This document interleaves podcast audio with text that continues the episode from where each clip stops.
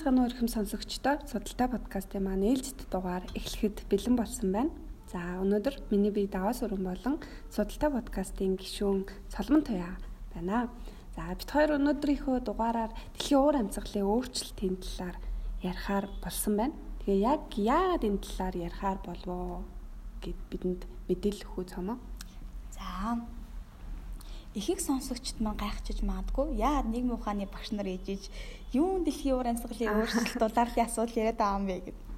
За тэгэхээр нэгдүгээрт а дэлхийн уур амьсгалын өөрчлөлтийн асуудал бол дан ганц нэг экологийн салбарын асуудал бол биш. Энэ бол тухайн яг аюул нүүрлээд байгаа нэг бүс нутгийн ч юм уу те асуудал бас биш. Энэ бол хүн төрөлхтний дэлхийн нийтийн тулгамдж байгаа асуудлын нэг бол яа харахгүй мөн. Тийм учраас бид нар өнөөдөр яг энэ дэлхийн уур амьсгалын өөрчлөлтийн асуудлыг ярих нь бас ингээд зүйтэй юм аа гэж бодоод сонгож авсан байгаа. За сүүлийн жилүүдэд одоо дэлхийн уур амьсгалын өөрчлөлтийн талаарх асуудлууд одоо эрчимтэйгээр их яригддаг болсон. Одоо хурал, уулзалт, зөвлөгөө юм уу те бас их болдог болж байгаа гэдгийг та нар манаас ингээд их анзаарж байгаах. За тэгэхээр яг дэлхийн уур амьсгал амьсгалын өөрчлөлтийн талаарх асуудлыг сүүлийн нэг 2 3 жилийн жилдлэн яригадад бол яригадад эхэлсэн асуудал юм уу бас үгүй байгаа. Яг 1990 оны үед 90-ад оноос хойш нэгдсэн үндэсний байгууллагын дэрэгдэх засгийн газар хоорондын мэрэгжилтний хороо гэдэг байгууллага байгуулагдаад Ур амьсгалын өөрчлөлтийн конвенц гэж 1992 онд батлагдсан байна. За энэ конвенцэд дэлхийн улс орнууд нэгдэж орсноор яг дэлхийн уур амьсгалын өөрчлөлтийн талаарх асуудал бол яригдж эхэлсэн. За тэгэхээр даваа өнөөдрийн ярих хамгийн гол сэдв болох уур амьсгалын өөрчлөлтийн асуудлыг яг албан ёсных нь одоо баримтчиг дээр нь юу гэж дурдсан байна вэ гэдгийг бас сонсогчдод хэлж өгөх хэрэгтэй хаа. За дэлхийн уур амьсгалын өөрчлөлт гэдэг.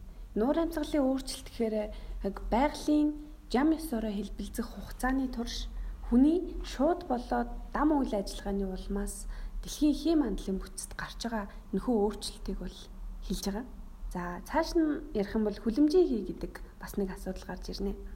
Энэ хүлэмжийн бол хит улаан туяаг шингээ авч буцаанд туяаруулах шинж чанартай байгалийн буюу тийм хүний бас л үйл ажиллагааны гаралтай хэм мандлын бүрэлдэхүүн хэсгийг бол байгаа хэлэх юм бол дэлхийн уур амьсгалын өөрчлөлтөд гол нөгөө нөлөө үзүүлэх одоо гол шалтгаан болоод байгаа зүйл маань өөрөө хүлэмжий. Тийм. За засгийн газар хоорондын уур амьсгалын өөрчлөлтийн хорооноос бол сүүлийн 100 жилийн хугацаанд энэ дундаж температурыг бол тэг зууны 74-өөс тэг зууны 18 градусын Цельс нэмэгдсэн үзүүлэлттэй байна гэж бол дүгнсэн баг. За энэ асуудлаар 2015 оны 12 сард бол Парис хотод нуур амьсгалын өөрчлөлтийн талаар дэлхийн улс орнууд маань зөвшөлтсөлд хүрсэн. Тэгэхээр Нүүбийн 175 гишүүн орн бол уур амьсгалын өөрчлөлтийн нөхөө хилцээрт бол гарын үсгээ зурсан. Бас арга хэмжээ үйл ажиллагаа явуулж арга хэмжээ авч байгаа. Тэгэхээр аж үйлдвэржилтээс өмнөх үедээ харьцуулахад бол харьцуулсан дэлхийн дулаарлыг бол 2 градус Цельсиэс доош нь бариад 1.5 градусын Цельсид хязгаарлах.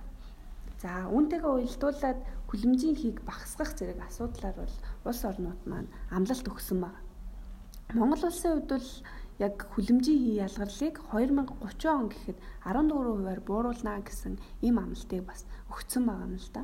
Тэгэхээр цамаа бас Монгол улсын уур амьсгалын өөрчлөлттэй яг одоо хэрхэн мэдрэгдэж байгаа талаар хоёлаа мэдээлэл хүргье.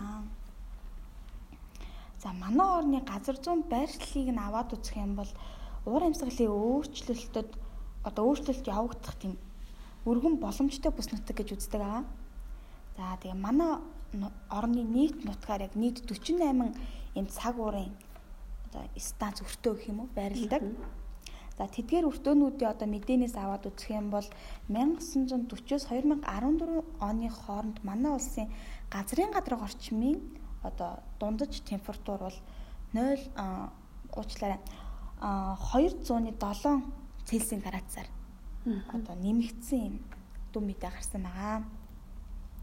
Аа мөн цаашлаад одоо судлаачид юу гэж үзээд байна гэхээр одоо манай Монгол орны цаг уурвал цаашлах явцтай юм уу? Цаашид бол тогтмол хэмжээгээр одоо юм нэмэгдэнэ гэсэн нэг тийм мэдээ гарсан маа. А түүний одоо ингэ жишээ дурдаад хэлэх юм бол одоо мөнх сардаг уулын одоо мөс нь хайлах ч юм уу те хөрс болон бэлчээрийн доройтол зэрэг бол одоо манай Монгол оронд уур амьсгалын өөрчлөлт одоо явагдаад эхэлчихсэн байна гэдгийг бас нэг жишээ илэрлүүд нь болоод ирж байгаа. Өмнө нь нөгөө давкагийн хэлсэнчлэн манай Монгол улс бол 2030 оны хүртэл яг хүлэмжийн хэмжээгээ 14 хувиар одоо бууруулна гэсэн юм өндөр том амлалтыг одоо ингээ өгчихсэн байгаа. За яг нүүрс хүчлийн хийн одоо үйлдвэрлэх хэмжээ тааш нүүрс хүчлийн хий ялгаруулалтаараа дэлхийн улс орнуудтай харьцуулахад манай улс бол төдийлөн харьцангуй бага л да. Гэхдээ бас тодорхой хэмжээгээр бас ингээд байгаад байна. За тэг хүлэмжийн ялгаруулдаг одоо хамгийн гол их үүсвэр болох салбар нь эрчим хүчний салбарт гэж авч үзсэн байна. За 1990 онд манай улс 21146 мянган тонн нүүрс хүчлийн хийг ялгаруулсан. Үүний 53.2% нь эрчим хүчний салбараас ялгарсан гэж үзэж байгаа. 2000 оны байдлаар 15786 бай харьцангуй буурсан.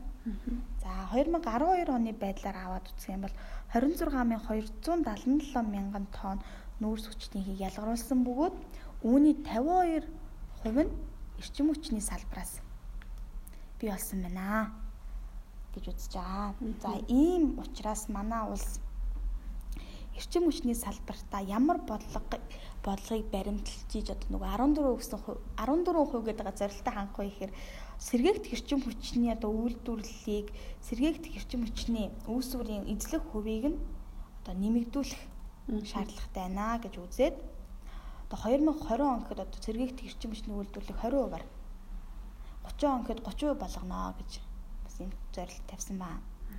За бас эрчим хүчний салбараас гадна одоо зам тээврийн зам тээврээс одоо эрчим зам тээврээс хүлэмжийн ялгаруулах бас их хэмжээгээр ялгаруулдаг гэж үзэж байгаа. За тийм учраас Улаанбаатар хотын авто замын сүлжээг сайжруулах шаардлагатай байна. 2023 он гэхэд 30-аас 40%-аар одоо авто замын сүлжээг сайжруулнаа гэж үзэж байгаа. А мөн түш баг зарцуулдаг тээврийн хэрэгслийн эзлэх хувийг нь одоо 2030 он гэхэд 13%д хүрэх ингэж бас ийм зорилт. За бас нэг салбар нь хөдөө аж ахуйн салбар. Хүмүүсээс гайхчихж магадгүй юу хөдөө аж ахуйн салбар гэх. За тэгэхээр хөдөө аж ахуйн салбараас яагаад одоо нүүрс хүчлийн хий алтагдаад ялгаруулад байна вэ гэхээр малын одоо өтөг бууц эдгээрээс яг хүлэмжийн хийд хий найрлаганд ордог одоо метан хэмээхэн бодис ялгардаг аа. Тэгэхээр манай ус одоо хичнээн сая толгой малтай билээ. Тэгэхээр одоо хичнээн хэмжээгээр ялгаруулж байгаа билээ. Тэгэхээр бас тийм учраас одоо малын тоо толгойг бэлчээрийн даацад нь тохируулсан зөкстой төвшөнд байлгаж байж бас энэ салбараас одоо ялгараад байгаа хүлэмжийн агуулмжийг бас бууруулнаа гэдэг юм зорилтыг тавьчихсан ажиллаж байна. Түрүү хэллээ л дээ тийм Монгол улс одоо яг энэ хүлэмжийн хийн дэлхийн дулаалд бол харьцангуй бас бага нөлөө үзүүлээд байна тийм. Гэвчиг одоо Монгол улсын эдийн засгийн уур амьсгалын хүчин зүйл бол тийм яг шууд нөлөөнд орно оршиж байгаа юм л та. Тэгээ яг Монгол улсын тийм ялгаруулж буй хүлэмжийн хийх хэмжээг бол яг эцсийн одоо гаргасан дүнгээр нь үзэх юм бол 2014 онд гаргасан байдлаар 34.5 мянган тонн гэж. Энэ нь бол дэлхийн нийт хүлэмжийн ялга хий ялгарлын 1.1%-ийг эзэлж байгаа. Тэгэхээр яг эндээс харахаар үйлдвэрлэл эрчимтэй хөгжсөн өндөр тийм хөгжилтэй улс орнуудтай харьцуулахад бага. А гэхдээ энэ хүлэмжийн хийн одоо ялгарлыг бууруулах нь дэлхийн асуудал тэрх өндөр хөгжилтэй орны асуудал юм уу гэвчиг а үгүй юм а тий энэ бол хөлөмжийнхээ асуудал бол ямар нэгэн хилээр ингэ зааглагдахгүй хүн болгоны хариуцлага дээр яригдах асуудал болж байгаа юм л да.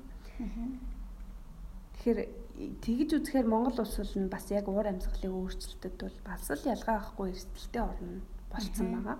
Тэгэхээр сүүлийн 20 жилд бол уур амьсгалын өөрчлөлтөөс үүдэлтэй энэ цаг уурын гамшигт үзэгдэл бол яг өмнөх 10 жилтэйгээ харьцуулахад бол төрөл зөвлбөрөөрөө хоёр дахин нэмэгдсэн. Энэ бол бас л энэ судалгаануудыг ер нь үзэхээр бас л их хэцүү тий хүнд юм аа ийм статистик тоо баримт байна аа үнэхээр. Тэгэхээр яалтчгүй энэ хийг хэн ялгаруулж, цомоо ялгаруулж, инөө давхгаа ялгаруулж инөө гэдгээс үл хамааран энэ хохирол бол одоо хохирлыг нийтээрээ үүрх юм байна тийм нийтээр дэлхийн нийтээрээ үүрнэ. Тийм учраас бид өнөөдөр яг энэ асуудлаас одоо сэргийлэхэд юм уу? Хүмүүсийн хувь хүний оролцоо ямар байвал яаж бид нар энд бас нөлөөлөх юм бэ? Аа яг ингээд судалгаанаас харах юм ба та хувийн төвшөнд яах вэ гэдэг асуудал байгаа тийм. Тэгэхээр нөгөө ихэлсэн шүү дээ хамгийн их хүлэмжийн хий агуулмжийг нэмээд байгаа салбар бол эрчим хүчний салбар тийм. Бид нар өдөр тутамдаа цахилгаан хэрэгсэл ашиглаж байгаа. За тэгж байгаа учраас одоо ингээд одоо хэрэг тийм шаардлагагүй үед цахилгаан хэрэгслүүд юм унтраадаг зуршилтай болёо одоо уцаа цэнгэлсэн ч тэ цэнгэлэгчээ ингээ залхаатаагаар нүлдээчдэг бол энэчнээс ч бас эрчим хүч ингээд одоо ялгарч байгаа алдагдж байгаа тийм жижиг зүйлээс л хариуцлага гаргах тийм учраас одоо манай цомоо бас нэг их гой гаргалгаа гаргаж өгсөн. Нэг айлын гурван өгөхөд тийм аа. Одоо бас ийм байгаа байхгүй? Энэ миний үг шээ. Судалгаанаас харсан үг нэг айлын гурван хүн байл гэхэд гурвуулаа ноутбук ашигладаг шүү дээ гурав голдоо энэ ажиглаж болох энэ цахилгаан хэрэгслүүдээ голдоо ашиглах хэрэгтэй байна. Ядаж те бас л нэг л э, арга штэ те. Үнэхээр сэтгэлтэй байвал одоо ингэж ч болохоос хувь нэмрээ оруулъя. Ер нь бол маш жижигхэн зүйлээс хүний хариуцлага тэгээ аливаа юмд хандах тэр зүйлээс л энэ дэлхийн нийтийн томоохон асуудлууд бол яригдж байгаа гэдгийг бид нар бас ойлгох хэрэгтэй. Тэгээ ер нь яг энэ цаг уурын өөрчлөлт гэдэг зүйлээр бол дэлхийн эдийн засагт жилдэл гэхэд 100 тэрбум долларын ам долларын хохирол өчрүүлж байна тий бас л их мөнгө штэ тий энэ байдлаараа үргэлжлэх юм бол 2040 он гэхэд хойд тул маань Москва болчих нэ гэд бас л айж хонлоо НАСА-гаас гар жил бүр гаргасан энэ дэлхийн дундаж температурын өөрчлөлтийн энэ судалгаа байлаа. Тэр бас их сонирхолтой санагдсан. Өмнө хэлсэндээ дундаж температур 2 хэмээр нэмэгдэхээр нэмэгдэх юм бол бас аюул түрхнэ гэжсэн. Тэгэхээр хоёр хэмээр нэмэгдэх юм бол манай дэлхий дээр юу болох вэ гэд үзэхээр шавжны тоо бол 18, ургамлын тоо 16, сэр нуруутай амтных бол 8% байсан баг. Тэгээ энэ нь бол буурах юм тооцооллуудыг бол гаргасан. Тэгэхээр манай оронд бол сүүлийн 80 жил тэр нөгөө 2 градусын хэмээр нэмэгдэх нь бүр хитрээд 2.2 градусаар нэмэгдчихсэн байгаа. Ийм бас судалгаа байлаа. Тэгэхээр энэ дэлхий дээр те бид хоёр ч амьдраагүй зөвхөн хүн амьдраагүй гэдгийг бас бид нэр ойлгож ухамсарлах тийм шаардлагатай юм байна. Тийм шаардлагатай байна. За өнөөдрийн минь өнөөдрийн подкаст ерөнхийдөө үндсэн яриа ингээд өндөрлөж байна. За тэгэхээр бид нэр яг яах ёстой вэ гэхээр дэлхийн уур амьсгалын өөрчлөлтийн асуудал гэдэг бол дан ганц нэг улсын хил хийц гараар зааглахдах асуудал бол биш. Энэ бол дэлхийн нийтийн өмнө тулгамдаад байгаа асуудал учраас хувь хүн бүр ухамсартайгаар энэ дэлхийн ертөнц дээр амьдрах хэрэгтэй гэдгийг та бүхэн манаас ойлгож байгаа. Тэгээд дэлхийн дулаарлалын үр дүнд тэ дэлхийн уур амьсгалын өөрчлөлт энэ хിവэрээ цаашид үргэлжлэх юм бол далайн усны түвшин нэмэгдэх цаг агаарын аюултай үзэгдлүүд ихсэх, хурд унцны хэмжээ өөрчлөгдөх, мөн түнжлэх хөдөө аж ахуйн салбар болон одоо мөсөн голууд хайлах, одоо амтан ургамлын төрөл тоо хэмжээ зүйл хомсдох энэ мэтчлэн аюултай зүйлүүд бий болноо. Тийм учраас тийм бүгдээрээ юм ухамсартай дэлхийн иргэн болоход өөрсдийгөө бэлдэх шаардлагатай байна. За. За за хоёлаа энэ удаагийнхаа дугаарыг ингээд өндөрлөх үү те. Гэтэ цаама их сурвалжаа бас дурдж өгөх шаардлагатай хоёлаа? За өнөөдрийн подкастэнд ашигласан гол их сурвалж маань юу вэ гэхээр дэлхийн улс орнуудын зорилттой төв нэмрийг дэмжих хөтөлбөрийн дэмжлэгтэйгээр байгаль орчин ногоо хөгжил аялал жуулчлалын яамны дэрэгдэх байгаль хамгаалах сангийн уур амьсгалын өөрчлөлтийн төсөл хэрэгжүүлэх нэгжээс батлан гаргасан ийм баримтчиг байгаа. 2015 оных Тэгээд энэ баримтчийн сэдв нь юу вэ гэхээр дэлхийн уур амьсгалын өөрчлөлтийг сайжруулахад Монгол Улсын оруулах хувь нэмэр гэж байгаа. За та бүхэн манаас нэмэлт мэдээллүүдийг сонирхож байгаа бол яг энэ судалгааны ажлыг бас э, сөхөөд үзээрэй. Хэлгээ ахаа. За бид хоёр ингээд энэ хүргээд дугаараа өндөрлөж байна. Тэгээд дараа дараагийнхаа дугаараар бас сонирхолтой сэдвээр ярилцахад ярилцах болно. Тэгээд баярлалаа цаамаа. За баяр таа.